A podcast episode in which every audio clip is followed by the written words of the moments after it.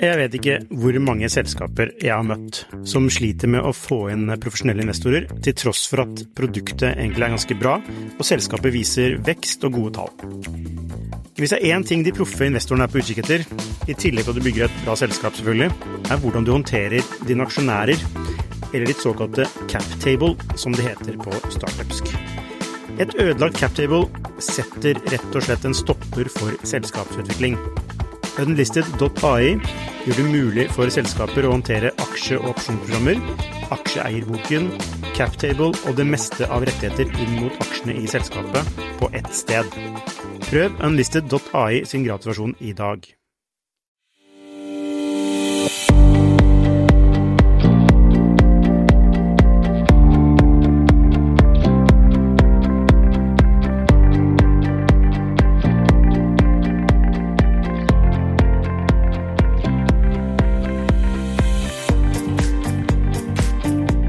Hei og velkommen til Skifters podkast. Ukens gjest er ingen ringere enn Johan Brann. Han er vel ved siden av Anders Mjåseth i Mesh den personen i Norge folk, for, folk forbinder med gründer. Er du enig i det, Johan? Gründ, Kahoot-gründeren? Ja, medgründeren? Uh, ja, kanskje. Det har vært, vi har fått mye publisitet, i hvert fall. Ja. Kahoot er jo et stort selskap nå. Det var ikke det før? Nei, det var da vi startet det, så var det jo ingenting. Nei, og så nå, hvor mye er det verdt nå? Det fluksater jo med børsen, men det er sikkert verdt et sted mellom 8 og 13 milliarder. Ja, kanskje nærmere 13-14 nå, kanskje. Det er litt sånn rart å tenke på. Har du stoppet stopper opp noen gang og tenkt på det? Altså, det var jo oppe i 30 et eller annet. 60. 60, ikke sant. Er det litt rart å tenke på det? At noen eh, vil betale 30, 60 milliarder for en quiz-app. Det var stygt sagt, for det er det langt ifra i disse tider. Ja, altså, nå, er det, nå, er det, jo ikke sånn at noen vil betale 6 milliarder for det. Hadde vi gjort det, så hadde det vært kjøpt av børsen. Så poenget med børssettingen er jo at folk handler små deler for det. Ja. På en prising på 60 milliarder. Det er definitivt ikke det det var verdt hvis noen skulle gått og kjøpt det da. Nei. Kanskje mer kanskje mindre. Uh, men nei, ja, kanskje det er ikke prisingen jeg er faktisk ikke så interessert i på det. For det spørs jo bare også hvor i verden du er. Hvis du sitter i USA nå, så har det vært mye mindre. Mm. det som er sjukt, er at det fremdeles har den enorme posisjonen at merkevaren er liksom topp ti konstant i verden. Uh, alle historiene, alle de gamle brukerne som vi fremdeles har kontakt med, som bruker det Eh, hvordan det liksom Med strategiene, de planene vi la, hvordan det nå eksekveres inn i selskaper. Det, når du forlater selskapet ditt og tas videre andre og lever og, og blir stor, det er jo det du er. Det er jo det som er suksess. At du kan slutte, og andre løper videre, liksom. Ja, jeg hadde Pål Vibe her eh, på besøk, en tidligere næringslivsleder. Han var XXL-sjef, blant annet, og Europris og en Nille. Eh, men han sa altså etter at han slutta i Nille, så gikk det ikke så bra i Nille. Og det var en ting han liksom syntes var litt sånn kjipt. Altså, det gikk dårlig etter at han slutta. Mm. Han tok det personlig. Ja, men det, og jeg tror jeg har startet, jeg har jo, det, det er jo ikke det jeg har gjort, det, det er jo det alle kjenner til. Jeg har jo vært med å bygge selskaper med Mercedes, og jeg har laget, og kanskje mye laget events og ting som også setter seg. Jeg, var, jeg jo dette som heter Nordic Connection i starten i London, som ble til eh, Oslo Meets Hackney, som fremdeles holder på i alle disse årene senere. ikke sant? Ja. Og, og, det at det tas videre Oslo Business Region og Hackney etterpå, det er jo det som gjør deg stolt. Eh, samme med denne X-Voyage jeg lagde med samme med Byfounders og Mesh og alle som har liksom laget format. Det har jo Byfounders fortsatt med, og tas videre. Og nå kanskje vi kommer til å gjøre mer igjen. Altså, så Det er mye sånne ting. Jeg har laget andre startups med andre som, som lever videre, og det er det du blir stolt av. Ja, altså jeg er superstolt av at jeg lagde min mote i VG i 2009. Ja. jo, men altså, det er jo det, Jeg tror det er det folk får mest ut av. Ja, eh, absolutt. Altså, det er noe som eksisterer. Du har skapt verdi som, ved, som, som vedvarer. Mm. Og, og, da er det jo at verdien ligger i at det faktisk har en merverdi for folk. Absolutt. Ikke, ikke, en børskurs på Nei, ikke, ja, eller at det, liksom noen tjener på at, at gjenstanden bytter hender. Men du, jeg var ikke ferdig med introen. Nei, sorry. det er min skyld. Uh, jo, du er også investor og medgründer i We Are Human, som du driver sammen med Tim Moore, Jamie Brooker og Sindre Østgaard. Alle Ja, du jobba for så vidt med alle sammen i Kahoot. Sindre var jo styremedlem. Ja. Mens Tim og Jamie var mer sånn Eller Jamie var medgründer? Jamie var medgründer og sjef for hele produktdelen. Ja. Og Tim kom inn ganske tidlig og var general manager.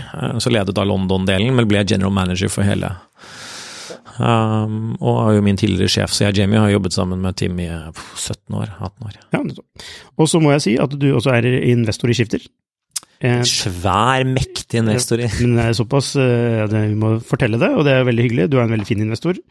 Eh, vi skal snakke litt om det, om hvordan du er som investor. Eh, du er egentlig en veldig bra person som investor, jeg kan snakke av erfaring.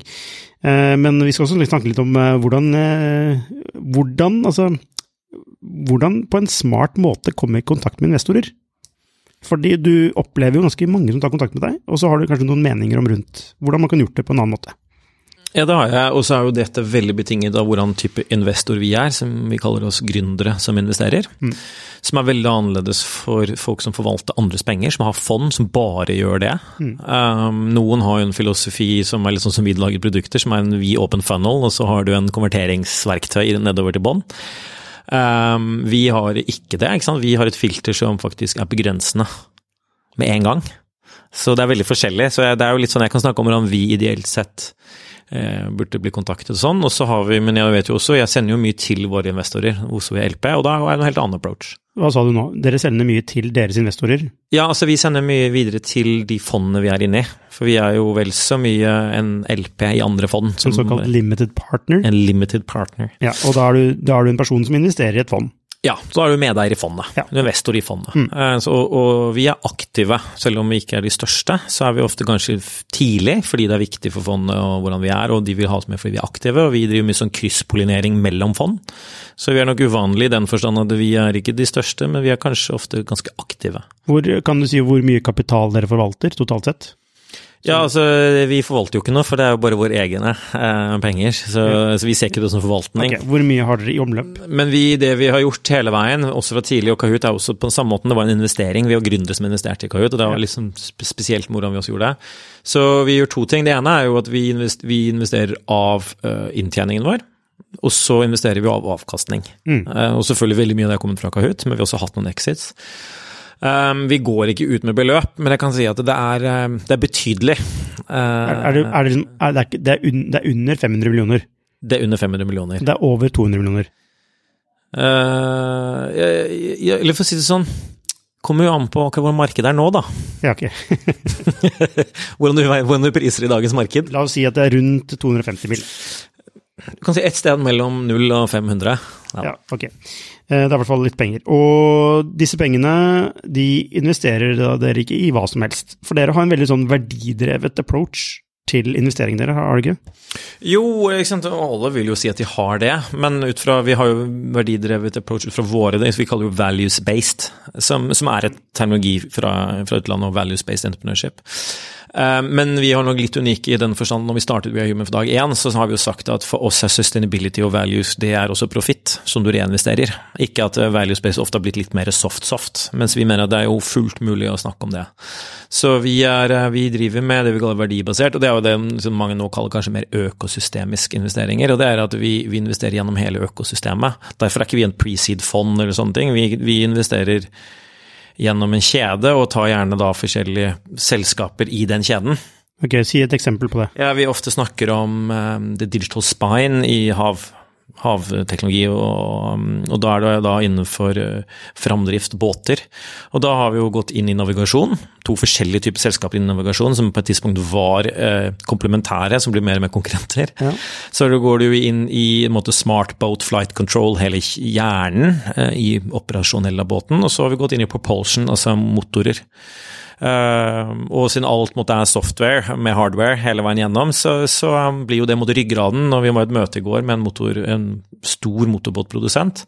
Mye diskusjoner rundt dette. Og det er å si at vi har ekstremt altså, Artistene sitter i skroget, det er der båtene defineres, det er DNA-et. Alle kjøper jo standardkomponenter. De store pengene i båtbransjen er faktisk i eh, navigasjonselementene, elektronisk osv. Og, så videre, og motorer, fordi det er der, det er jo volumtingene. Og standardisert. Så vi har jo bettet da på den elektrifiseringen og smartnessen som kommer inn, sånn software as a service i bot-bransjen. Så det er også verdibasert, fordi vi går etter de som også jobber med da det grønne skiftet. Men uh, altså, du kjenner til uh, Cess X Marine, Ja. som nå heter Pascal Technologies. Ja. Eh, de har jobbet med skroget, Ja. som er ganske interessant. Ja, ja, ja. Så det er ikke sagt at vi ikke Det er bare vi har valgt å ikke gå for skrog. Mm. Uh, for det er en helt egen ekspertise. Vi har jo snakket med dem, kjemperespekt for dem. Det er kjempespennende. De kunne passet inn i noen, noen av våre prosjekter.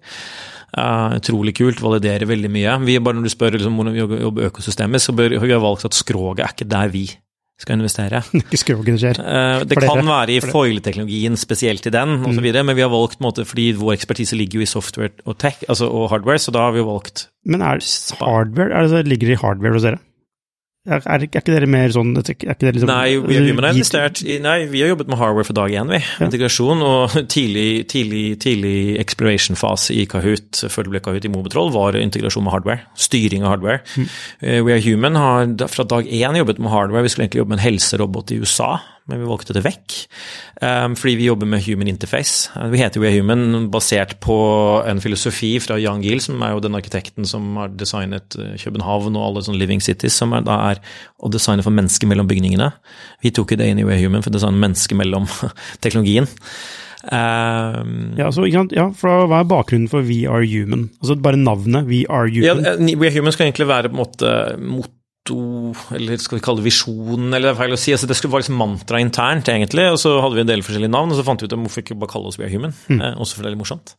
Uh, så, så, det er grunnen. Men det vi ønsker å gjøre, at vi jobbet innen kommunikasjon i London, men det, vi ble mer og mer et startup-studio i London uh, i forrige selskapet vårt, hvor vi da lagde selskaper for store selskaper, eller med dem eller lagde måte, produkter som blir som et selskap internt hos dem.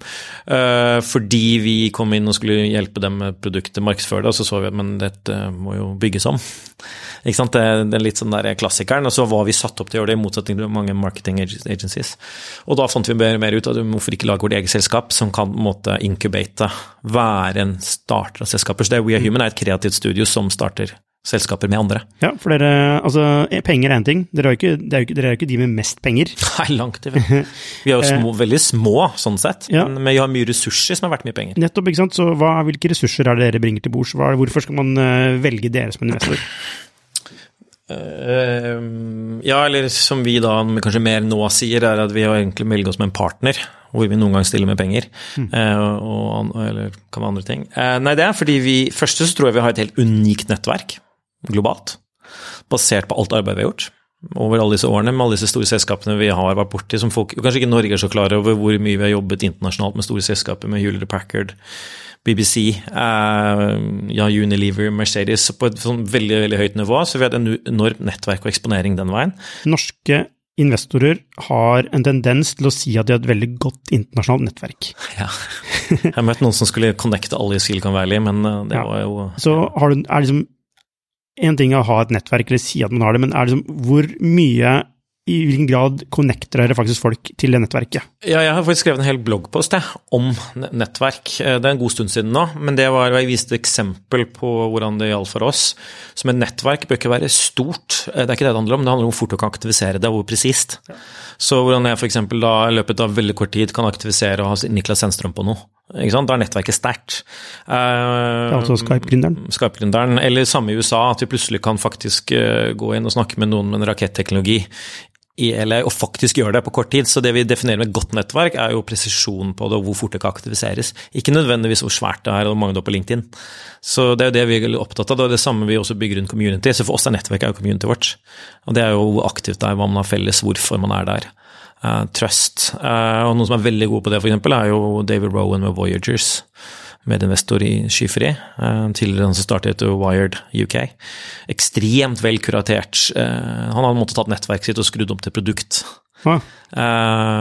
så for oss handler det kanskje mye om at det er det vi er gode på, at vi har veldig mange gode av disse nettverksmenneskene og selskapene rundt oss. Ok, Så dere har dere, har, eh, dere er en partner, dere har lite penger, dere har litt penger, eh, og så har dere nettverk, eh, altså som er kall det liksom kvalitetsnettverk. Er kvalitetsnettverk, og det kan vi også bevise at veldig mange av de selskapene vi har vært co-investorer, så har vi endt opp med å gjøre ting sammen med co-investorene som er store, industri eller mm. WSR. Ja. Fordi vi har mye meninger, vi går inn, hvis du har hørt meg, så jeg har jo Men hva gjør, hva gjør, hva gjør du da? Liksom, bortsett fra at du kobler noe folk, hva gjør dere liksom? Nei, det har kanskje dere merket òg, at en av våre styrker er at vi er det vi kaller koblere. Som er, en, som er en veldig vanskelig skill, fordi du må faktisk vite verdien i begge ender. Det er jo i seg selv mot et produkt.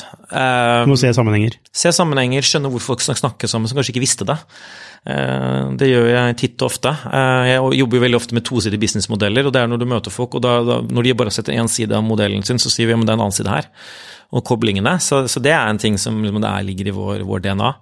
Um, fordi vi er produktutviklere, så er vi, kan vi være biased, men vi kan være mye dypere mange ganger på produkt. Uh, vi kjenner jo da mennesker som kan jobbe i selskapene. ikke sant? Og det er det mange som sier, men det er noe med å være en, en, en likemann på det versus en investor som har ja, Så er, begge har verdi, men det er jo kanskje der vi er, da. Mm. Um, og så er det jo fordi vi, vi er jo litt sånn filosofien også, at vi skal bare investere i selskaper som vi kunne tenke oss å jobbe for eller bli venner med. Ja. ja. hvorfor ikke? Hvis man har muligheten til å velge. Ja, ja, eller det er jo bare en annen måte å tenke på. Du skal filtrere på mennesker, mm. som blir kanskje det viktigste. ikke sant? Det virker som dere ikke gjør dette for å tjene penger, selv om dere gjør det også, men det virker som dere bare dere gjør det fordi dette er liksom, den måten dere kan få impact på. Ja, altså som jeg sa fra dag én, at vi har fra dag én satt opp i Human som et selskap som skal tjene penger fordi det er um, sustainable. Ja. Det er bærekraftig. Og det er også validering, og det er veldig mange andre ting. ikke sant? Så, så vi er opptatt av det. Men vi mener jo også at når er du måler inntjeningen din? Er det nå eller over tid? ikke sant? Hva er det som faktisk gir den reelle verdi, avkastningen over tid? Um, er det slik at uh, kanskje en investering leder til en annen investering? Så da betyr det at det er ok at den ene f.eks. selges tidlig, mm. fordi den kan lede videre. Og, og, det er nok litt annerledes når du ikke har noe fond med noe tidshorisont levert tilbake til LP, strukturer rundt deg. ikke sant? Så det gir oss en helt annen måte å tenke på. Og så strukturerte vi hvordan vi skulle investere og hele selskapet. Først skal vi bygge produkter, så skal det exit, så skal vi pre-seed og bygge, så skal vi bevege oss gjennom hele kjeden for å lære. Vi har alltid kalt return on learning, som vi bygde inn i Kahoot. Ja, for dere er, ikke ikke businessfolk. Bortsett fra kanskje litt Sindre, da, men, eller kanskje ikke han heller ordentlig. Men så, dere er jo egentlig ikke businessfolk. Nå ble jeg ordentlig offended.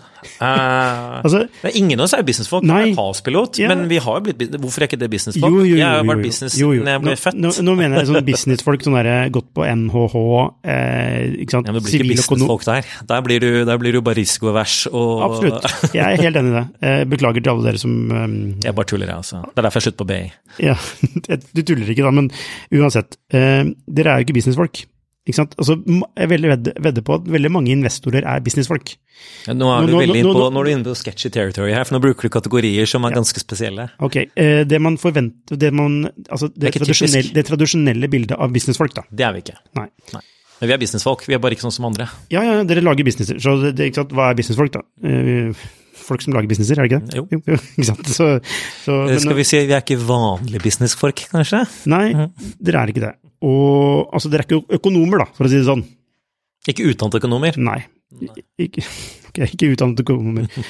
Merker du hvorfor jeg kan være ganske irriterende i investormøter? Jo, jo, men altså, jo, jo, altså, men um, Hva og, gjør noen til å bli økonom? Det er jo forståelsen av økonomi, ikke at du har gått på skolen. Ja, nei, det er eh, Og hva gjorde noen til gründer? Altså, det, er, det blir ikke gründer av å gå på gründerskolen. Nei, men det er en veldig fin vei til å bli gründer. Eh, akkurat som å gå på økonomistudier. er fin jo, vei til å bli men, Men, men, poenget er at man blir det man, altså, man, blir det man skaper. Yep. Hvis du skaper noe, så er du gründer. Erfaringsbasert altså, du, blir ikke, du blir ikke det du studerer. Nei. Selv om altså, hvis du studerer medisin, så blir du lege, men, men skjønner du? Altså, ja, i, det, I dette faget så er det ikke sånn. Men tilbake. Dere er ikke tradisjonelle businessfolk. Hvordan er det en styrke inn i uh, altså ja, det er jo litt sånn som jeg, jeg, jeg er jo veldig opptatt av cap table design, ikke sant, og samme er det med diversitet i team osv. Så, videre. så det at vi, og det er jo derfor mange investorer har spurt oss om å komme i en solgt hos aksje billig et eller annet, fordi du, du bringer et annet perspektiv.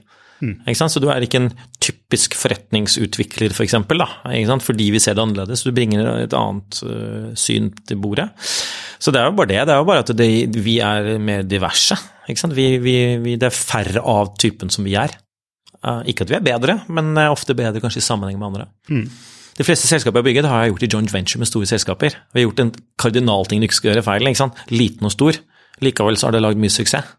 Selv Hva er eksempler på det? Nei, Kahoot er joint venture mellom tre selskaper. Folk vet jo ikke det. Nei, for. Hvem er det? Kahoot er jo, ble laget i joint venture mellom NTNU, Tellu og We Are Human. Tellu? Var det Tellu var et selskap som eh, Morten Wersvik jobbet i, uh, som også hadde en del av IP-en. Ja, han, var, han var CTO, ikke sant? Han var CTO i Kahoot, ja. Co-founder er der fremdeles. Mm. En av virkelig de som kan si at hans kode er fundamentalt, hans ideer er fundamentalt til selskapet. Og han var jo en de jeg forelsket meg når vi måtte møttes. Da het jo ikke Kahoot, men disse teknologiene og menneskene. Vi ble jo en sånn IDS have sex-type Ja. tankegangen. Men, eh, men eh, så Tello jobbet han i da, etter skolen. Eh, Han var da på utleie til Telenor, eh, så i starten så jobbet han 50% kontrakt gjennom Tello i Telenor, og så gikk han ut. Eh, Så det var joint venture mellom tre selskaper, og derfor vi sa at vi er gründere som investerer de første årene. Eh, Ingen av oss var ansatt i We Are Human, det er en annen modell vi gjør da, ap- apropos vi er som investorer. Vi har jo ganske sånne ganske klare eh, playbooks på hvordan man skal kjøre lean, så vi kjørte jo Kahoot faktisk med ingen ansatte før 2014, før vi fikk første eksterninvestor. Eh, det var management for hire, det betyr at selskapet betalte bare for akkurat den tiden det trengte av ressursene. Mm. så vi alle var på management for hire hele veien opp, eh, og da som joint venture. Og så kunne ikke Tellu være med lenger, det det var liksom utenfor det kjerneområdet osv. Og, så og så etter hvert så gikk jo da NTNU ut, fordi det var eh, Ja, det kan vi ta på en annen måte, men det var ikke, eh, det var ikke det Nei, altså, eh, altså da hadde De eide en stor andel av dere, gjorde de ikke? jo, altså det første så mener jeg det var, dette har vi lært ettertid, det var feil av NTNU å gå inn med en 33 eierandel Ja. i et sånt selskap. Var det feil av dem, eller var det feil av dere å akseptere det? Begge deler. Vi var ikke klar over det. Feil av dem. Vi, de, de sier at de er så proffe, så da burde jo ikke de gjort det. Mm. Eh, var feil av oss, spesielt fordi vi hadde jobbet med UCL og hele deres oppsett opp i London, og man prøvde å lage Stanford-modellen med licensing, for det hadde vist seg over tid det var mye mer lønnsomt. Det hadde også vært for NTNU, hadde de gjort det på den måten, som vi foreslo. Du, nå sa du mange ting her som jeg ikke skjønner. Eh, dere gikk inn i partnerskap med NTNU, de kjøpte 33 av selskapet. Hvor mye da? Nei, vi, Altså, ja, vi startet det. Selskapet ble startet. Ja, startet, okay. Det ble founded av tre partnere. hva fikk dere for de 33 Nei, vi fikk ingenting. Vi startet samtidig. Alle skjøt inn 30 000 da, hver. ikke sant? Så var det aksjekapital på 90 000. Eh, og, så, og så var det jo en dum ting av oss i We Human at vi la ikke inn en IP-en vår på samme måten som NTTO gjorde med sin IP. Det har vært en følgefeil for oss hele tid, fordi da kunne vi snart den diskusjonen. Vi skulle ha gjort, og det hadde vært fordi jeg dette hadde ikke skjedd uten NTNO, dette hadde ikke skjedd uten en av de viktigste personene med Alf Inge Wang, som var jo spillprofessor og satt jo gjennom TTO med IP-rettigheter, sånn som eh, Morten.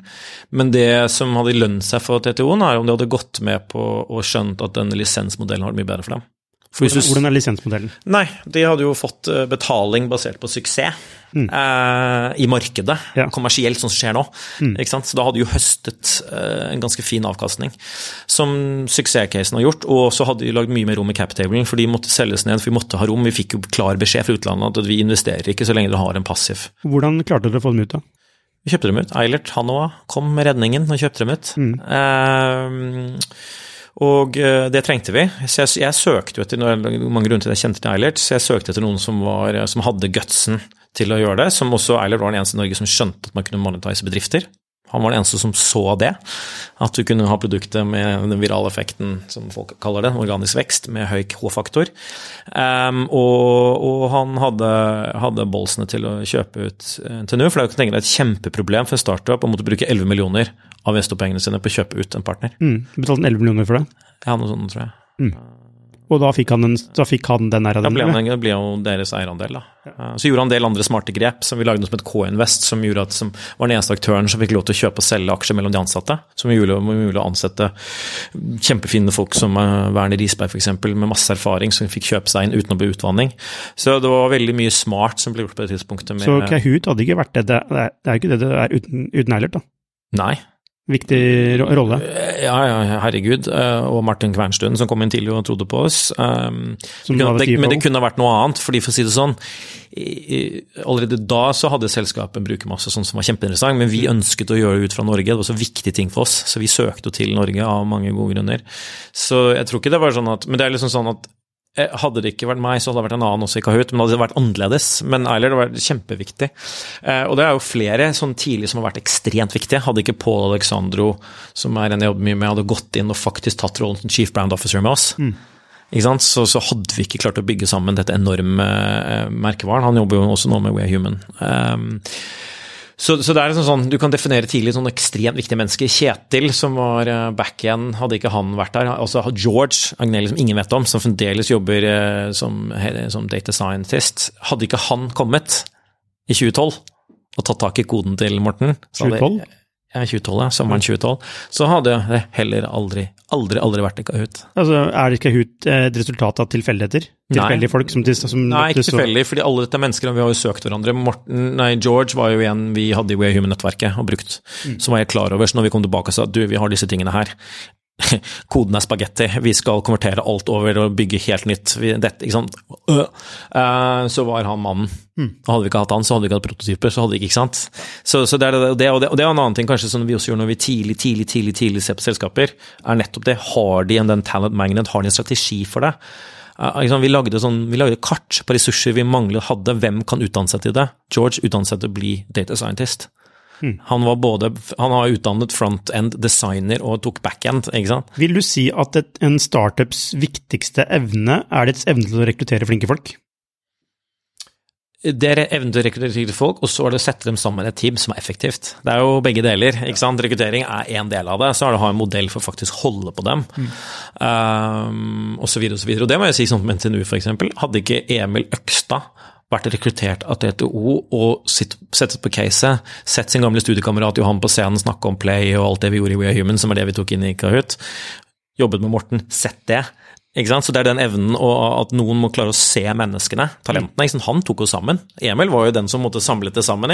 Mm. Og så evnen til å måtte fasilitere en dialog mellom oss osv. Det så er jo det, det det en startup som har suksess klarer. Er det kjernen i We Are Human, å se mennesker? Dere ser, de ser de bra menneskene? Ja, vi jobber veldig med å, å, å altså vi Der igjen, da, der har vi metodikk, vi har verktøy. Vi jobber veldig aktivt med. Vi bruker profilering, vi gjør mange ting. Ja, det, det, høres litt sånn derre For meg, så på den ene siden, så høres det litt sånn Når dere snakker om det, så høres det litt sånn wishy-washy ut. På, altså, veldig filosofisk og bla, bla, bla. Eh, og når jeg snakker med deg, så vet jeg at det, det er jo supermetodisk. Ja, og for å si sånn, veldig mange, begynner, veldig mange, vil jo ikke høre om dette når vi snakker om Kahoot og Siba QuizApp, ikke sant? for det er ikke det det er i det hele tatt, det er bare et uttrykk.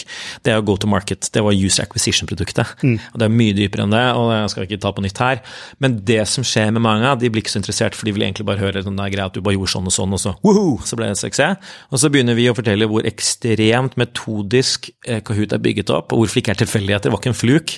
Hvordan ting er designet for, og så vise hvorfor det ikke funket sånn, og så gjorde vi det, og så funket det, at du faktisk følger disse metodikkene mm. som gjør at du klarer det. Du må jo ha en god idé, du må ha alle de andre tingene som treffer, men metodikken er på en måte sånn at du kan, hvis vi nå begynner å snakke om Kahoot og absolutt alle elementene, vi designer businessmodeller Folk mener at du ikke har en businessmodell for du faktisk tjener penger på den. Det er jo bare bullshit. Poenget er å designe for den, og når setter du den i vei? Du må lage atferd, noe produkt osv. Så, videre. så eh, ja, for dere du, både altså Veldig på han Alexander Osterwalder og Linn Ja, og nå jobber vi jo med Alexander Osterwalder. Ja. Vi er jo den første startupen jeg, Nå møtte jeg han da han akkurat lagde boken, hans første workshops osv. Og, så og, og når Kahoot ble en suksess, så tok jo noen av de tidlige som jobber med han, kontakt opp og sa du, jeg husker og da snakka vi Kan man lage en ah, Sorry. Det var i 2010. Ja. Så, så, tok kontakt, og du, ja. ja. men skal bare si, I 2010 så satt vi og brukte Business Model Canvas inn de første workshopsene og, og modellerte ting rundt en spill basert læringsplattform. Mm.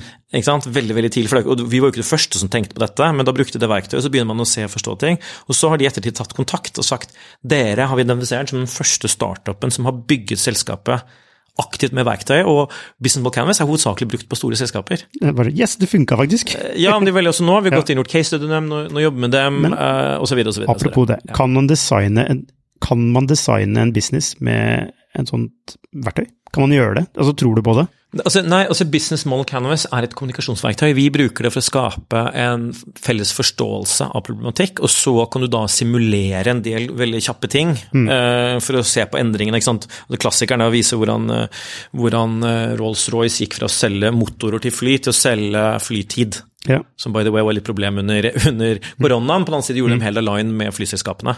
Og det er jo sånn du synliggjør med Business Model Canvas for folk til å tenke annerledes rundt seg selv. Det er et mm. kommunikasjonsverktøy, et simuleringsverktøy, uh, rapid development-verktøy. Det er okay. det det er bra på. Så, så du kan liksom ikke bare liksom designe det der, og så kan du liksom vite at dette kommer til å funke? Eh, nei, det er kommunikasjonsverktøy. Så det som er veldig gøy for Ostervolle, var at jeg tok jo fram den første Business Model Canvasen som vi måtte landet på, som jeg da brukte i søknaden til på Southwest. Mm.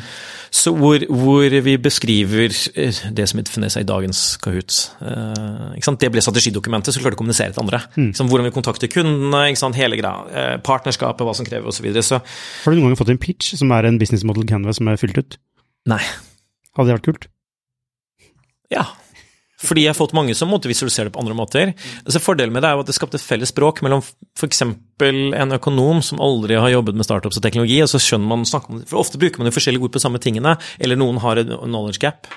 Så, men jeg tror bare når, Kanskje det som jeg, vi kommer til å skrive om og gjøre mye, mye mer om, selv om folk er lei kanskje lei av Kahoot, er å vise hvor ekstremt gjennomtenkt hver eneste ting er, og det tror jeg definerer veldig mange av de som er suksess over tid. Mm. Det er ikke tilfeldigheter. Folk jobber metodisk gjennom hver team, veldig, veldig, veldig nøye gjennom. Altså, eh, du, du, har sagt det mye, og så er jeg litt sånn usikker. Liksom, hvor langt frem kan man tenke? For liksom du, som ting de gjør i dag, sier du at ja, men det tenkte vi på da. Eh, og gjennom det, og så lurer jeg på hvor, hvor langt kan man tenke? At ja, men altså, en ting så er det å selvfølgelig gjøre de det i dag fordi det er kjerneproduktet. Ja. Så har du gjort masse annet på toppen, men det er jo liksom litt sånn, det er jo derfor det er gøy å være gründer, fordi du lager det formtivt. Du setter jo opp alt og så blir det bygget på andre videre. ikke sant? Og vi, Når vi ansetter mennesker, det er en veldig viktig ting med oss, at når vi ansetter mennesker, så sier vi at nå er alt du har erfart før i livet, alt du har gjort før i livet, nå er det en del av Kahoot. For du bringer alt inn, og du vil legge det på, på, på stacken vår osv. Derfor blir selskapet bredere, større, på intellektuelt også når folk kommer om bord. Så husker jeg ikke hva spørsmålet var. Ikke heller. men, men for å si det sånn, da Veldig mange tror, syns dette er veldig slitsomt å høre på, og du, når du snakker om å tenke framover Igjen, dette var noe jeg hadde i et møte i går. Her er alle forskjellige. ikke sant? Så vi er veldig opptatt av new diversity, fordi hvis du er autist, så har du veldig evnen til å tenke dypt. Neurodiversity. Ja, nevrodiversitet. At man er forskjellig i, i, kraft av hjernen sin. Ja, vi, alle, vi alle er nevrodiverse. Ja. Noen er høye og lave også, som er en kroppslig variasjon. Men er det et begrep hvis alle er det? Ja, men det, man, snakker om, altså, man, snakker om, inclusive design. Mm. Man snakker om å inkludere alle har forskjellige variasjoner, kulturelle osv. Så, videre. så det man snakker om neurodiversity, er for å sette et ord på de som spesifikt da er mer unormale i profilen sin. Autister, ADHD-mennesker, dyslektikere. Eh, eh, og du vil også kunne snakke om det, også de som måte, per definisjon er tilbakestående, som er grusomt ord. Men ikke sant, så det, det, ja, det var feil ord. Men, men altså det at en, nevro, en, nevrodiv, en, nevroprofil, da, det er bare en profil på hjernen din. Ja. Uh, jeg vet det var feil ord. Men, uh, men uh, jeg er nevrodivers, så jeg har jo ikke filter. men når du måte er divers, så er du på en måte mer ytterspekter. Det, det, er færre av din type. F.eks. den typen jeg er, er sier man er et sted mellom Altså, Den kategorien utgangspunktet er 20 og så er jeg innen et par prosent innen de 20% Den type menneske jeg er. Når du spør om dette med å tenke langt, så er det sånn Eh, en av mine styrker er det man kaller metakognitive evner, som man ofte velger når man gjør profilering, å få inn i innovasjon og strategiteam. Fordi Metakognitive evner? Ja, metakognitive evner er evnen til å se seg selv utenfra, evnen til å, lære, til å se hvordan man lærer for å lære seg selv bedre. Man blir læringsmaskiner. Mm. Og så er det evnen til å se eh, meta, også se koblinger, se ting veldig veldig eh, ovenfra, med abstrakt. veldig mange abstrakte koblinger folk ikke ser, og ganske ofte da evnen, hvis du da har kombinert med andre ting, evnen til å se langt fram i tid. Er det din styrke? Det er min styrke. Så jeg er jo veldig plagsom, fordi jeg sitter og bruker veldig mye tid, eh, mange trekk fram i tid. Så det, det vi snakket om i går, jeg har mine svakheter hvor jeg da, du blir blind, men der jeg da går inn, er å si noe jeg ser på som en bitte liten feil. Det er andre ser som en bitte liten feil kan jeg se som en kjempefeil, fordi jeg ser det compounding effekt over tid. Mm. Hvilken da, rolle bør en person som deg ha i et selskap? Nei, jeg, er i en av selskapene chief entrepreneur. Ja. Eh, andre steder så vil jeg være strateg. Eh, jeg vil være blir så ofte i tidlig fase spurt om å være CEO, fordi det handler om å sette visjon, bryte ned dører, snakke eh, folk i senk. Men altså, så det du, Hvis du er god på det, så er kanskje ut, din, din utfordring er da kommunikasjon? Ja, så jeg sliter med å kommunisere mye av det jeg jobber med, og derfor så har jeg Jamie Brooker, som da er, har en enorm evne til å sette seg inn, og orke å sette seg inn i hva jeg driver med. Uh, og så har han en enorm evne som en kreativ person til å sette ting i system. Ja. Ikke sant? Systemiker. Og så går du på Tim, som er ekstremt operasjonelt sterk. Mm. Ikke sant? Og så har du Sindre på andre evnen, som, som, som, som, jobber jo da ekstremt forretningsstrategisk. Og så er det alle, vi klarer, alle klarer å se i hverandre og ta tiden med den koblingen, og det er liksom det et godt team gjør. Ja. Meg og Morten. Vi tok 40 minutter bashouts for å finne ut av liksom hva vi egentlig mente, men vi visste at den andre mente noe veldig interessant. Han er jo veldig abstrakt som teknolog, mm. ikke sant. Eh, så, så, men det gjorde jo også at vi var en utrolig kul måte å jobbe sammen på. Ok, du, Johan, vi må bli sorry. litt mer håndfaste. Ja, sorry. Eh, altså, jeg blir jo med på dine digresjoner. Ja, det beklager. Eh, eller, du er moderator. Ja, det beklager. Og jeg gjør, jeg gjør en dårlig jobb nå. Eh, ok, tilbake til investering.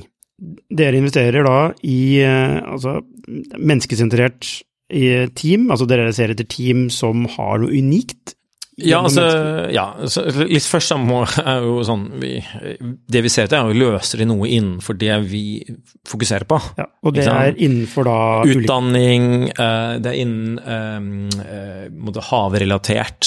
Hav, utdanning? Ja, hav, hav, og utdanning er liksom de store stedene vi, vi, vi, har, vi, har, sett på ting. Men vi har også gått inn i medieselskaper fordi det handler om kommunikasjon og utdanning på et annet spekter, ikke sant. Ja.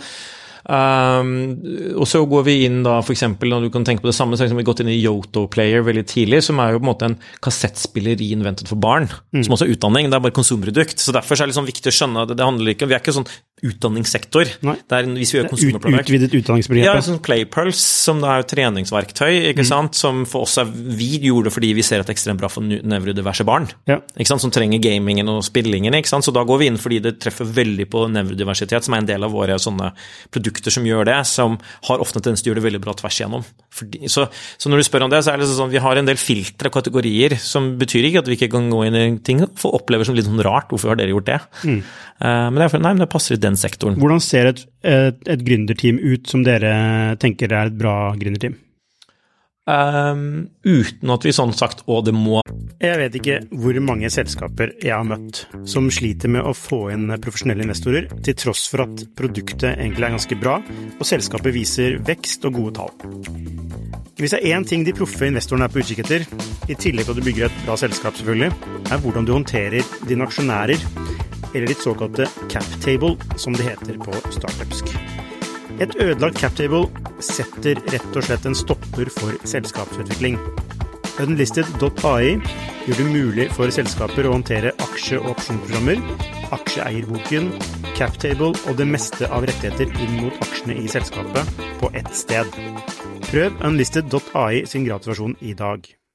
Det er en kvinne, det må være multikulturelt, noe som helst, så har det jo blitt sånn pga. måten vi scorer det, at det typisk da er eh, mer diverst. Eh, da, og da er det ikke nødvendigvis et diverst sånn kvinne som, sånn kultur, men at om det så er tre-fire menn, så er det at de har meget diverse bakgrunner og profiler, ikke sant. Um, som gjør at de har, får den helhetlige tankegangen, og ikke sånn monolistisk tankegang. Så ikke sånn single founder? Nei. Ingen, så Foreløpig ingen? Nei. Eller hvis de er single founder, så har de jo dratt inn co-founders ekstremt kjapt. Ja. Og hva er, hva, liksom, hvilket, hva er det dere ser hos de som lykkes? Altså, hva, hva ser dere tidlig? Hvilket kjennetegn er det som går igjen? Ja, men ikke sant? Først har vi ikke holdt på så lenge, så det er jo så mange av dem som kan lykkes. Og mange har jo tatt U-turns osv. Så, videre, så jeg vet ikke om vi har noen fasit på det, men vi kan si at det er de vi kanskje som nå gjør det bra, som er spennende, den syretesten som har skjedd nå, det er jo nettopp de som har vært gode til å uh, lage kjerneteam. Nå veldig gode til å faktisk på en veldig god måte eh, nedskalere businessen. Mm. Aktiviteter. Det er jo det, ha den handlingskraften. Jeg tror det. Og så må jeg si når du spør om noen teams også, sånn de må, Når en co-founder har tiltrukket seg det, eller en, en første ansatt, eller en på vei inn mm. Det er jo sånn det, det, det er, Før det så er jeg ikke interessert. Nei. Fordi da vet vi ikke om de har evnen til å få med seg folk. Mm. det er det første beviset. Ja, og sånn, her er et eksempel, jeg kan ikke si hva det er, men her er et eksempel. Noen vi har hatt med å gjøre over lang tid som har forsket på noe, så går de på Antler, får seg co-founder, så kommer de tilbake og viser produktet. Vi kan med en gang ta det et annet selskap som vi, i utlandet som vi hjelper med sin spin-out ut fra et teknologiuniversitet. De ser på case og sier shit, dette kan vi bruke. Og da er det sånn tre ting. Én, vi kjenner jo tid over tid hvordan det er sånn. Mm. To, tiltrekket seg en co-founder, ikke sant. Ja. Tre, et veldig relevant selskap sier dette er spennende. Mm. Ok, da mm. Da kan vi begynne å snakke. Ok. Ja, så det må, det litt, det litt liksom, det må gjennom den valideringen.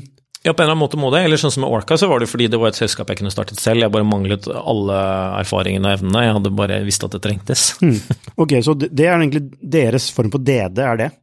Ja, altså Orca for eksempel, så var det eh, De hadde gjort det før. Hva, hva er Orca for noe? Orca er et norsk, utrolig spennende eh, software tekstartup som lager navigasjon for, for båter. Ja. Det tar liksom rotta på alle de store etablerte. Men de er jo da noen som lagde det norske kartsystemet som heter CMAP, ble kjøpt av denne store BHG-organisasjonen som nå er kjøpt av Brunswick, som er jo den som lager Mercury Motor og alt sammen. De hoppet av, for de så at de kunne gjøre noe bedre. Mm. Når de kom til meg, så hadde jeg, en jeg tenkte på shit, jeg har lyst til å starte og gjøre dette, for jeg vet at jeg kan gjøre dette bedre um, fra et annet perspektiv. Så kommer de og lager nå noe av det vi må si liksom, Det er allerede liksom eh, world-beating product. Um, og når de kom tidlig, så var det sånn De hadde gjort det før, de hadde samarbeidet før, de tiltrukket seg interessante teammember liksom, fra sine egne greier, tidligere sjefer. Og vi kan være første investor, og det er et produkt jeg er interessert i. Og forstår markedet. Ja, da er det veldig lett å gå bang, ikke sant. Ok, så det er ganske, ganske sånn fint filter man må gjennom. Ja. Det er ikke enkelt å få invitering fra dere. Nei, og det er fordi vi altså vi har jo nå siden da 2017 investert i 63 selskaper direkte, Ok, det er en del, da. og 11 fond. Hvor mange av de selskapene er norske? Sånn ish. Det er et godt spørsmål. Kanskje tredel, kanskje? Kanskje tredel, ja. Nei, tredel, Tredel. ja, kanskje. Så ja, Det burde jeg vite bedre. Jeg må at jeg, jeg tenker ikke så mye på, på Noen av de er jo splitt også, ikke sant. Orca er jo ok, det er norskregistrert, men de sitter jo flesteparten i Spania. har noen gått konk? Eh, ja. Og hva var grunnen til det, tror du? Noen av dem hadde Jeg, kan, jeg, vet ikke om det er public, men eh, nei, noen av dem de klarte ikke å skalere Allerede var i markedet med produktet, men klarte ikke å skalere salget. De klarte ikke å finne product market fit med prising. Eh, det gjelder er flere. Hvor, hva, de- hva gjorde dere i Altså, når det skjer, hvordan kan, kan dere, kommer dere inn og hjelper til da? Nei, altså vi gjorde en, vi gjorde en bridge-runde fordi det var made sense, og, men vi, er ikke så mye vi kan gjøre fordi de har store investorer, de var et stort selskap eh, sånn sett. Altså, ikke sant? Men, men det vi prøver er å støtte dem, gi de strategier, jobbe med dem. Eh, Det er jo et annet selskap som, vi, som har gått mellom mange runder, og vi, der har vi vært aktive underveis, gitt liksom bridge-lån, jobbet aktivt med dem og fått i mange runder, og til slutt så er det helt andre grunner enn hvor det går konkurs. Uh, fordi vi er i supply chain-problemer og sånn og videre. Så i noen selskap kan vi være kjempeaktive. Vi kan gå inn i styret for en kort periode og gjøre noe. Vi tar de vanskelige samtalene. Så det er jo som veldig mange andre gjør. Altså Det tror jeg er veldig tradisjonelt. Du, du, du ser om det du kan, kan utløse noe. Eh, vi har jo en investordatabase på Skifter, eh, hvor det, vi er Human er, og du får ganske mye kontakt fra folk via den. Jeg la meg ned bare fordi at jeg vil jo selvfølgelig ikke være kjip med skifter. det er bra, godt å høre. Vi ligger jo ute på sånne andre ting og- som ikke vi har laget selv, som er helt feil. Folk scram, scrambler jo nærmest, så Ja. lager de profiler, ikke sant? Nettopp, ja. Som er bare helt håpløse. Men eh, fordi det vi har snakket om, litt sånn off the record, nå blir det litt on the record, da, men det er det Altså, dere er ganske tydelige på hvordan dere ønsker kontakt. Ja. Gjennom tredjepart. Ja. Hvorfor, tar ikke, altså, hvorfor skjønner ikke folk det? Og hva, altså Jeg tror hva betyr- gründere, og, og all ære til dem for, egentlig for det, er jo at tenker at ja ja, men jeg prøver likevel. Som er egentlig en trait du ønsker, ikke sant. Men da tenker jeg at hvis du prøver likevel, så må du jo virkelig ha researched og tenkt og forstått, og, og noen har gjort det og sagt du, jeg kan liksom ikke spørre om intro, men jeg er sånn og sånn og jobbet med dem og sett sånn og sånn og jeg tenker, ikke sant. Kult, da kan du gjøre det. Uh, noen Hvor mange prosent er irrelevante som tar kontakt? 90 Nei, det var bare tull. Nei, det var tull, fordi det er jo fordi du 90% kan du ikke investere i. Uh, mange er veldig relevante, men likevel ikke riktig. Ja, riktig. Det vil si, jeg vil si veldig, veldig mange er relevante. De fleste er nesten relevante, men de er ikke riktige. Hva er den beste fremgangsmåten for å komme i kontakt med dere på? Ehm, det er jo egentlig at man møtes på events, eller at de, har, at de kan vise til artikler de har skrevet, eh, hvis det kommer en lengre kunde. ikke sant? Det, er jo faktisk ikke sånn Hei, eh, her er pitchdekket mitt, jeg henter penger. Ja. Eh, det er liksom Du, her er produktet vårt, sånn og sånn, de bruker det, ikke sant. Få meg til å Jeg, jeg, hjalp en i dag som jeg sa nei til, og så spurte han veldig smart Han stilte meg et spørsmål som egentlig Nei, han, han, han skrev noe som egentlig var et skjult spørsmål. Ganske smart, tenkte jeg. Ok, greit, skal bruke tid på Det var kult, du liksom, you get the point. Og da sa jeg det du må gjøre, er jo på en måte så må du først ta bort alle grunner til at jeg skal si nei. For det er det første jeg gjør. For eksempel kanskje si alle grunner til at jeg skal si nei, og så komme hvorfor ja. ikke sant? Mm. For det er jo det de fleste gjør, de leter bare en grunn til å si nei. Litt tidlig i investeringskarrieren min så lette jeg etter alle grunner til å si ja. Det var veldig dumt. Det var liksom feil modus. Eh, Så det er jo det ene. Og så er det, det er klassikeren for meg. Du må klare å fortelle en historie om eh, kunden som jeg kan gjenkjenne meg i og skjønne at skalerer. Mm. Du må på en eller annen måte klare å fortelle det om problematikken og kunden og bruken osv. På, en, på, en, på en emosjonell måte, for da vet jeg at du også vil klare det i framtidige kapitalrunder eller kunder osv. Historiefortellingen er viktig her. Ja, men det er jo sånn mennesker Det er alt. Ja, men det er jo sånn mennesker, det er sånn vi alltid har koblet med hverandre. Jeg er på fest med en person som ikke forteller historier, ja. Ja, det er kjedelig. Eh, Liksom, det er som å lese en kvittering, liksom. Mm. Men mange driver og holder på med det. Ja, og det er kanskje fordi jeg har gått litt for mye på økonomiskole og litt for lite med hvordan du kommuniserer med mennesker. Ja. Uh, ja, ok. Så altså, historiefortelling du må, du må, altså det, det, er, det, er, først når man kommer i kontakt med deg, men du har, du har, det er liksom ganske vanskelig å komme i kontakt med deg. Ja, og vi har jo testet forskjellige ting. så Vi har laget f.eks. kontaktskjemaer som folk skal gå gjennom. ikke ja. sant? Og så var det spørsmålet skal vi bruke litt sånn automatisert vasking av det. ikke sant? Mm. Og det stopper deg fra å kunne fortelle en historie, men det blir veldig sånn spesifikt spørsmål. Men ok, la oss si du er på noen eventer, og så er man noen gang heldigere å møte deg. Eh, men da er det jo ofte mange som skal snakke med deg. Jeg var på et event nå nettopp. Ja, Skifters event. Var jo Du var der, var det ikke det? Jeg husker ikke. husker ikke. Eh, og da var det noen som spurte meg om jeg kjente deg. Om kunne introdusere. Eh, så jeg så, en lang kø med folk som vil snakke med deg da. Eh, så, så hvordan Hva sier man så du skal fange interesse, så man kan møte deg en annen gang? Ja, altså Mitt poeng hvorfor vi bruker tredjepartsgreie, er jo at den personen er jo da allerede filter og tenker denne personen stoler jeg på, jeg vet nok om den, ikke sant? det er i mitt nettverk. Vi tror nok på det til at jeg gjør introduksjon. fordi hvis, og Det handler om network, som vi snakket om før, at hvis du lager introduksjoner som er dårlige, så vil jeg jo slutte å ta introduksjoner fra deg. Hvis sånn, Lucas sender meg alltid sånn irrelevante ting som ikke er vett. Det koster noe, faktisk. Det er ja, litt sånn rykte på, på, spill. Ja, men det er oss imellom. ikke sant? Hvis du skal velge å introdusere noe til meg og deg, til deg, så må jeg jo faktisk sette meg litt inn i det.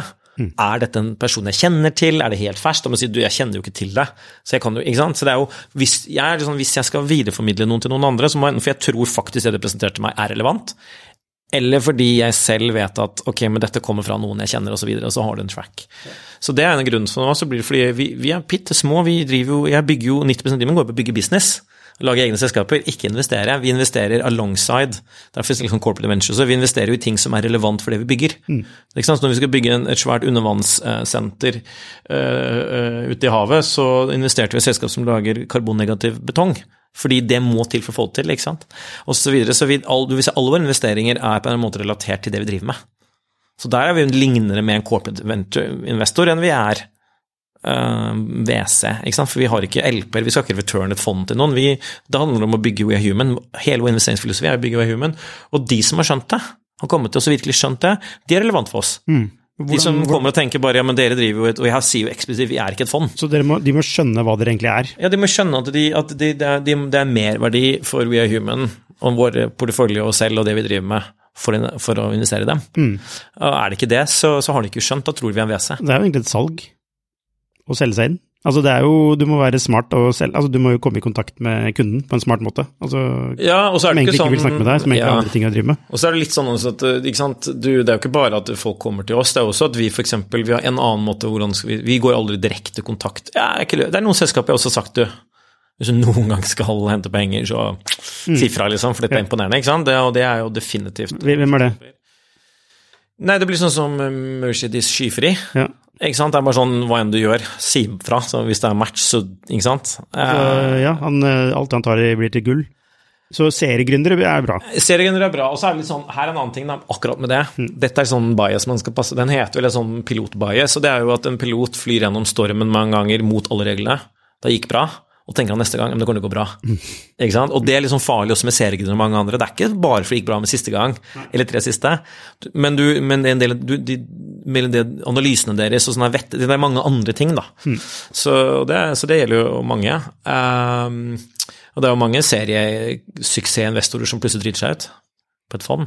Så det er litt sånn farlig å si det, ja, men selvfølgelig det er jo mye som hjelper prosessen. Men altså, det er jo en lavere risiko totalt sett, da? Ja, det er det, men jeg tenker på sånn strategimessig som du spurte om det, så er det sånn noe vi også gjør, er at vi hjelper mye fond, både de vi er i og andre, å gjøre DD. Eller investerer på vegne av dem, absurd, ikke sant. Og da er jeg jo sånn, jeg må kutte pengene mine ved siden av dere. Eller hvis jeg gjør det igjen, så, jeg, så kommer jeg også, hvis det er bra selskap, så kommer jeg til å si til gründeren at det har skjedd med et utrolig suksessrikt spansk selskap. Så sa vi under det igjen, så sa jeg du, jeg gjør dette på vegne av X, Y og Z investor. Eh, jeg har sagt til dem at hvis jeg liker case, så kan å spørre deg kan jeg få til å investere. Mm. Eh, og da lagde han plass på captablen. Eh, så vi kom oss inn, og det var utrolig kult. Altså gjør dere det, det? Ja, ja, altså Hvis det er store, så gjør vi og, og måtte samhandle med, med, de profesjonelle som ja. har alle verktøyene osv. Ja, vi gjør også det under analysen av selskapene etterpå, så snakker jeg med de andre co-investorene. Hvordan er dere gjør det? Så får vi måte, deres ekspertise. Ja, for det er ofte er sånn DD veldig sånn teknisk og sånn. Eh, Den gjør jo ikke vi. Nei, hva, hvilken DD? Altså, jo, vi gjør produktteknisk DD, gjør vi, og vi kan gjøre strategi mange ting, men vi måtte kalle det mer sånn klassiske WC-DD-en gjør jo ikke vi. Uh, og når du kommer på det nivået, så gjør vi jo det. Uh, da er det jo noen av de andre WC-ene som gjør det, så ber vi om innsikt, for vi går det frem og tilbake. Hva er det dere ser etter i dag? Er det, liksom- er det sånn stickiness på produktet, et sånt, sånt ting, eller? Ja, ofte er de ganske gode på å liksom, regne ut uh, cost of acquisition på produktet. De er ganske gode på å regne ut liksom, forventet uh, liksom, om, om, de har presisjon på, på, på, forbruk av pengene sine, liksom, burn rate om de, om de, Det er jo egentlig om de forstår konsekvensene av handlingene sine fra et økonomisk perspektiv også, som kanskje er mer interessert i. Og driverne? Ja, og driverne. altså Som budget og framtidig inntekt og sånn, det tror jeg ingen bryr seg om. Men det er mer om de forstår mekanismene i selskapet. Det er det samme vi ser etter i, som Jamie er veldig god på når produktanalyse. Sånn, han er veldig sånn, forstår produktdevelopment-teamet, mekanismene og hvordan de jobber sammen, og er de aligned? Er, snakker de det samme språket, har de samme visjon? Det er kanskje det viktigste vi ser på, er, liksom, er det en enhetlig visjon ja. i selskapet? og blant investorene deres. Det er sånne ting du ofte gjør. Det blir også vi spurt som investorer. For eksempel når Orca skal hente penger, så snakker investoren med da kanskje først investor, ikke sant, ja. og gjennover, og snakker sikkert med Skyfall også, som også er inne. Uh, og det vi gjør, er ikke alignment mellom hva investor, styreleder, gründer og så dev-team sier, Warning sign, warning sign. Uh, og det lærte jeg av Pekka, som lagde um, uh, Gud, hva heter det for noe? Dette finske gamingselskapet. Uh, Clash, Clash of Clans-tingene. Ja. Supercell? Supercell.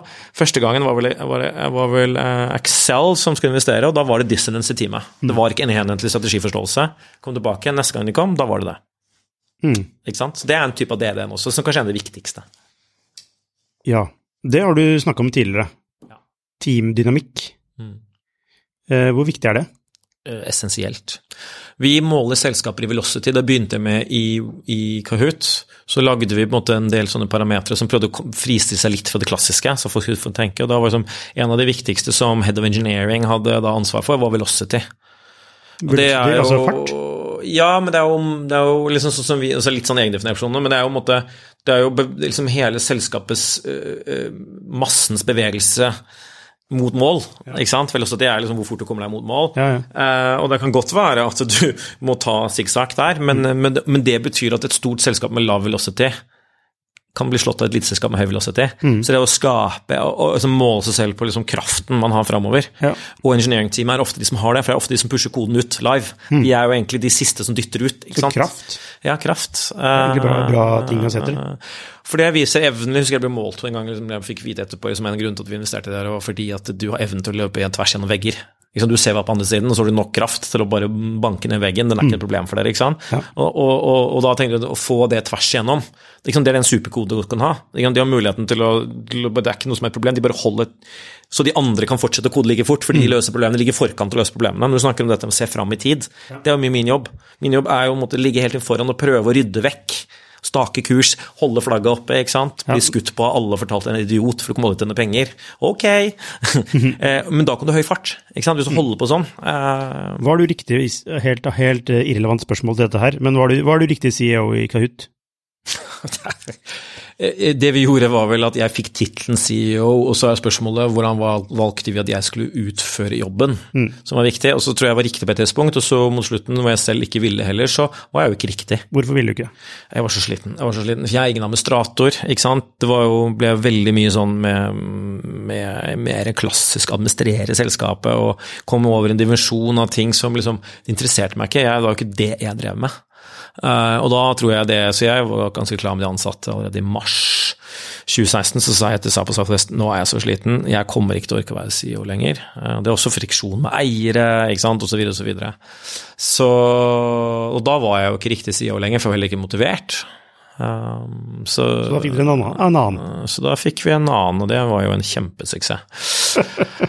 Hei sann. Uh, nei, så ja. Og det er jo Da har vi gjort en bedre jobb. Uh, det kan alle i Kahoot uh, ta ansvar for. Ja, hvordan hva lærte man av det?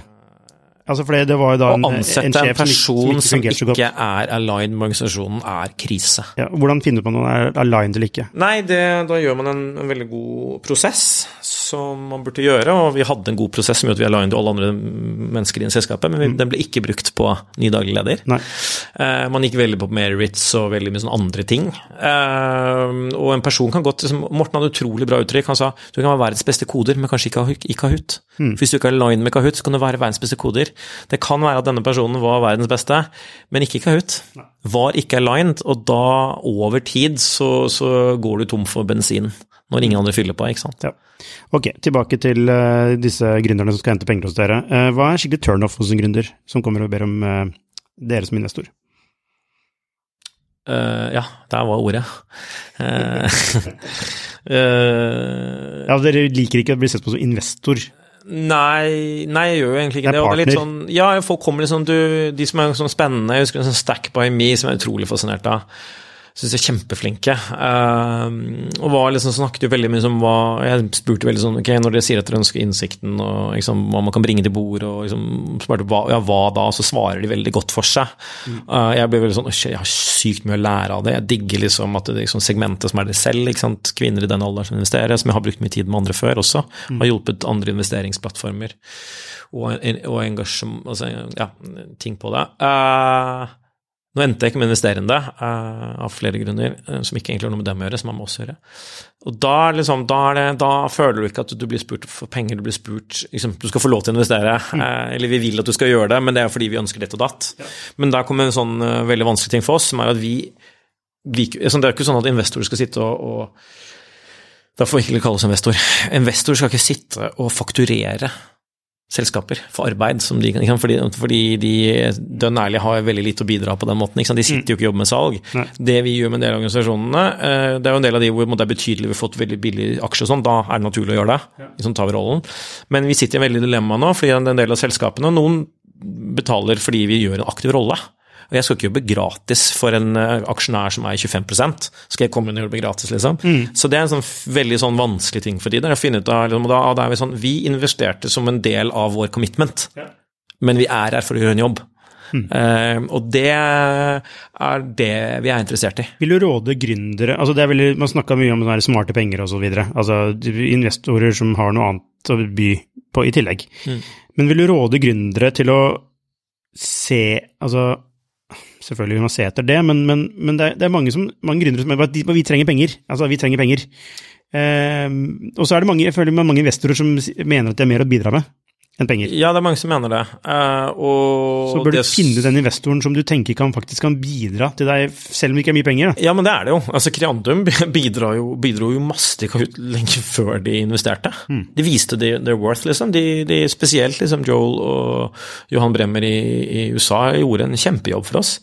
Uh, virkelig, liksom.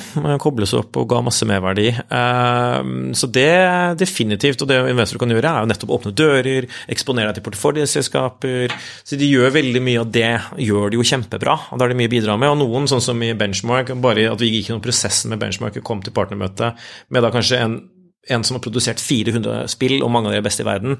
Bare prosessen å, å, ha med han å gjøre til du kommer der, sitte og bli grillet av Big girly, du går ut igjen. altså Jeg behøvde ikke pengene deres, jeg var jo 10 000 ganger smartere. Ja. Så selvfølgelig, men det er jo ikke alle investorer som er på det nivået.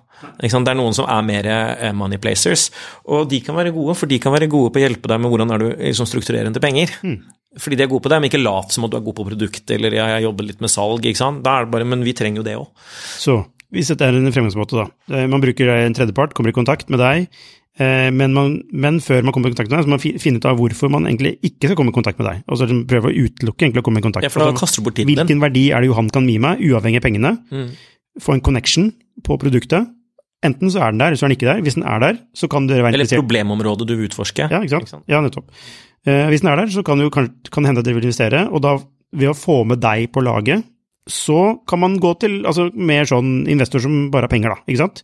For da, ja. da, går, da, kommer du med noe. Ja, og som jeg tror jeg kanskje sa til deg nå, vi har jo gått gjennom forskjellige ting. Vi har jo da, ikke sant, vi lagde uh, Venture 1, som er første som var med Seed-tingen vår, og så gjorde vi Venture 2, som har liksom vært uh, uh, ja, det var pre-seed til seed, og så er vi fra seed til Series B i den Venture 2. Ja. Uh, men så må jeg si at ikke alle investeringer skjer heller i de, under de merkevarene, de skjer andre steder av tekniske grunner. Vi er, er, sånn, vi er egentlig mange selskaper som egentlig ikke er koblet sammen, mm. så vi er liksom spredt rundt omkring. Ikke skatteflukt. Um, og så Det er mer av for mange grunner, for vi er partnere spredd i faktisk hele verden. Vi er nede i Australia um, Og så, han, så, så, så vi, liksom, vi, har disse forskjellige fokusene, og det, da gjør vi liksom andre. Liksom, vi, vi setter opp penger tid, fokus, ikke sant? Fordi det er en måte å kunne måle verdier og, og, og, jobbe med, aktivt med det og sånne ting. Og det er forskjellige som er eksponert i de forskjellige fondene internt. Ja. Og, så har vi mer, eh, og så har vi nå gjort LP-ene, og det du skal snakke med oss nå, så er det jo fordi du egentlig har lyst på at noen av de fondene vi er i. skal investere da, Ja. Eller nettverket vårt. Der vi er nå, at vi investerer nå Det er liksom completely Da må det være liksom bare helt sånn once of a lifetime. Dette må vi gjøre, det er en sånn grunn. Vi er ikke aktivt ute og investerer, vi henter heller ikke for det. Eh, men vi jobber jo med investorer nå som henter penger, som setter caser. Så nå er vi kanskje mer i det at, vi er en, at vi er en gateway inn til der vi, er, de er vi LP-er i. Det er nok kanskje det beste for folk. Nå er det mange som kommer til å ta kontakt med deg, Johan. Nei, de må gjøre det på riktig måte, da, men det er sånn mm. folk ikke klarer ikke sant? Vi er jo eksponert i altså jeg, jeg vet ikke, jeg, jeg, på en eller annen måte så er jeg kanskje unorsk, og derfor så liker ikke nordmenn meg, eller jeg bare tuller. Men eh, vi er ikke så, så veldig, har ikke hatt så veldig mye incoming av norske fond. Liksom, det, er noen få, det er det mest internasjonale rett norske fond jeg har god kontakt med. De andre virker som de ikke liker meg. Um, men Tar du det litt personlig? Ja, det er litt sånn, man, Alle liker å bli likt. Så, men det er sikkert fordi jeg er så breial og mansplainer og, og holder på, ikke sant. Har sterke meninger. Men, eh, men vi er inne i, USA, i, England, da, som et eksempel norske gründere for å gi verdi her nå. Vi er inne i First Minute. Kjempespennende fond, og veldig hjelper dem veldig aktivt med å scoute og se liksom, når de har noe sånn Å, dette selskapet i Norge, eller ikke sant. Sånne ting. Giant Venture, som er helt nytt, helt nytt fond for oss, som vi akkurat gått inn i. Vi var siste investoren inn. Det var sånn helt sånn en lang greie. var Jana Grash, som da var sjef for Vision Fond, tidligere Microsoft, en av de første jeg hentet Serious Penger fra. Han gjorde en kobling inn. Vi går og ser oi shit, vi er aligned med det fondet. Vi ser hva vi driver med. Vi går og putter en ticket inn. Og hele tanken er jo nettopp det. Merverdien sammen. Så det er sånn giant fond, det kan man gå og sjekke. Det er et trolig spennende selskap. Jeg tror de absolutt De har ikke så De har en dansk co-founder, men de har ikke så mye deres Norden-greie, sånn typisk Norge, er litt sånn under radaren, ikke sant. Mm. Um, og så må vi si at vi har investert en god del i Danmark, som gjør at vi har gode også da co-investorer med Danmark. Og så er vi Byfounders uh, flere runder, ikke sant. Og så har du unconventional, så hvis du er en underrepresentert gründer, så har du unconventional ventures. Som er jo da en sant, hvor er koblingen, hvor vi kan gjøre denne pay forward, hvor du gjør koblingen inn. ikke sant? Mm. Og vi er i et amerikansk fond, deeptech-fond f.eks. Vi er en av verdens største, beste helsetech-fond. Så det er liksom sånn, for vår del er det den der at, eh, at vi er jo på jakt etter selskaper å koble med de fondene vi er i. Og det er jo der vi egentlig får veldig mye merverdi. Det er jo egentlig veldig godt verdiforslag, da.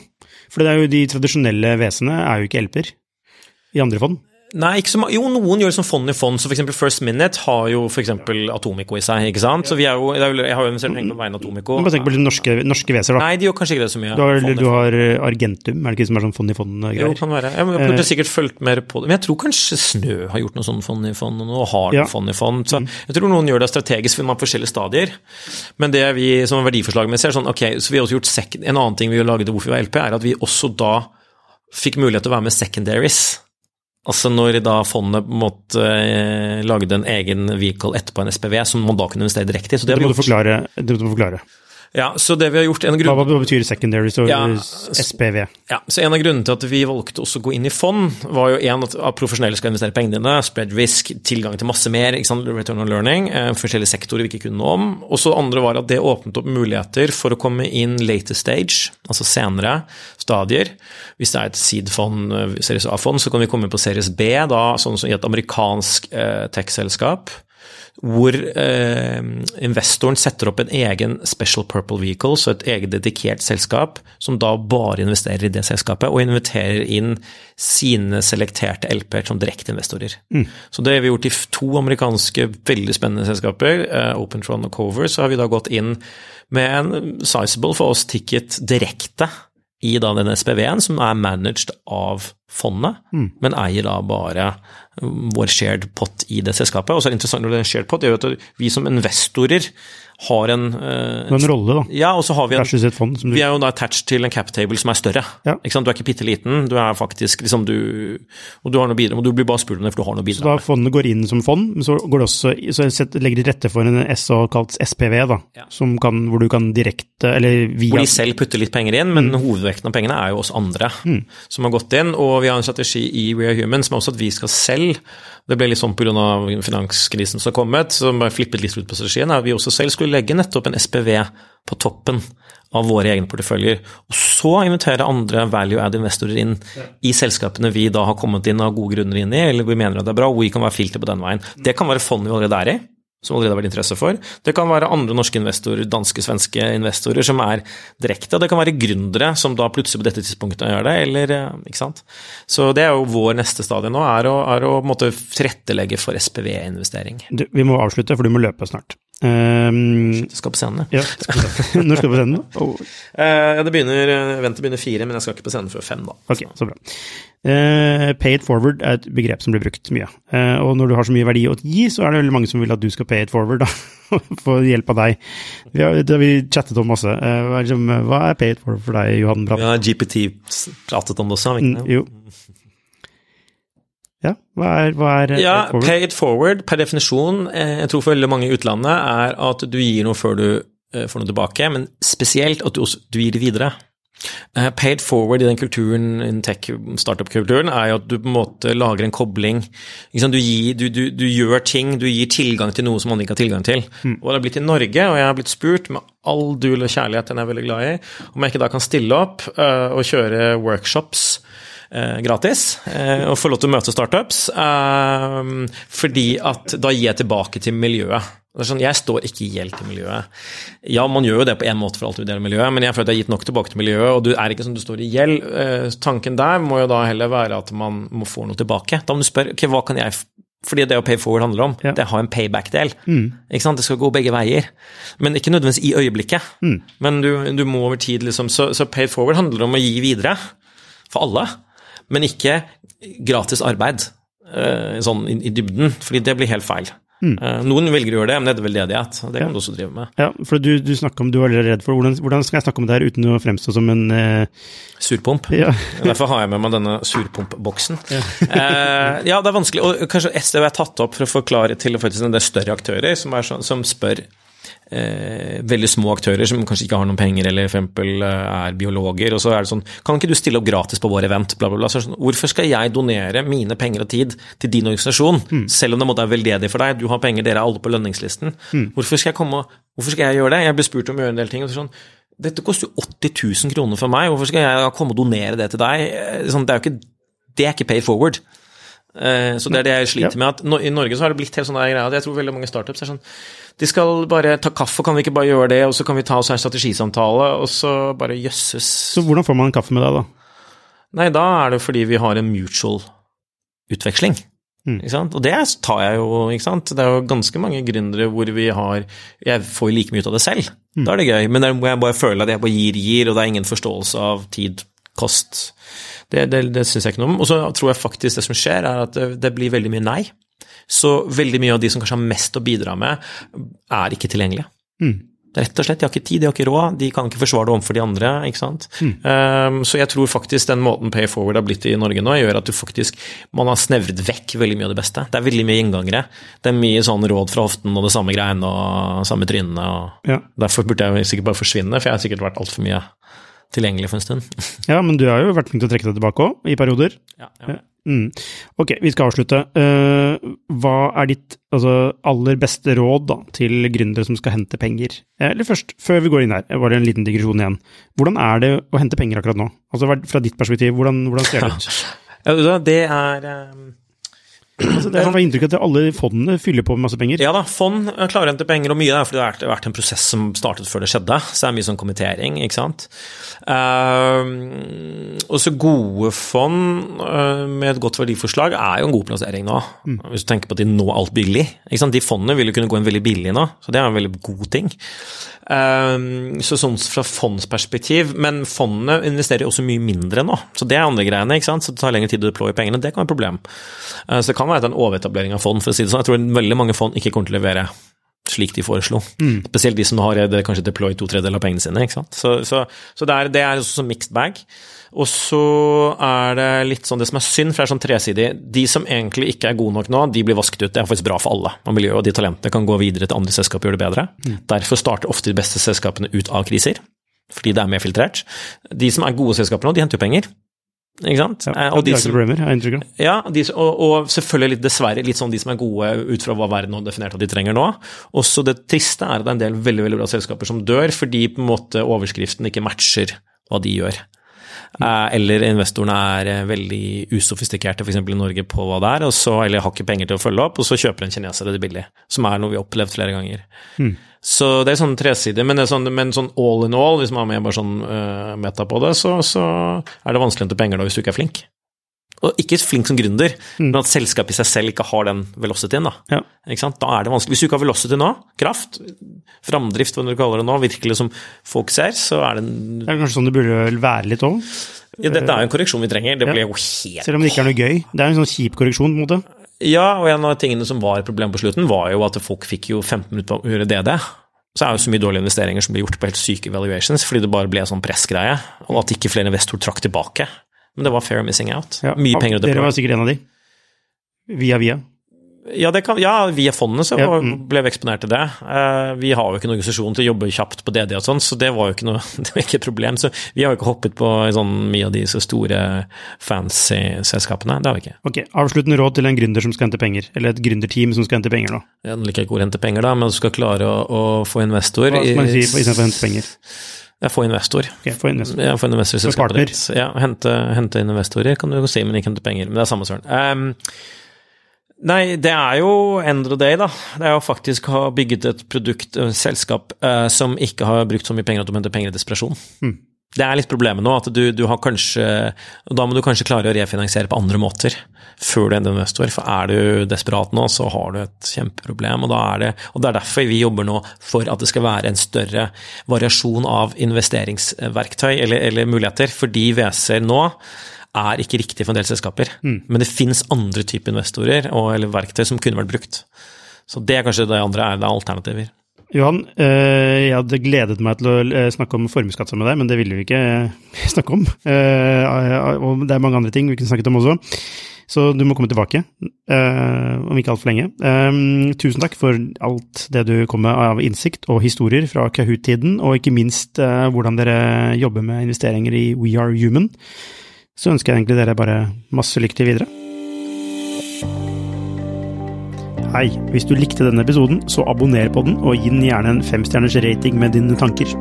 Hvis du er interessert i temaene vi tar opp på denne podkasten, så anbefaler jeg deg å gå inn på skifter.no, og hvis du mener vi fortjener det, så kan du gjerne støtte oss ved å abonnere på Skifter. Takk for at du hørte på, så ses vi neste uke.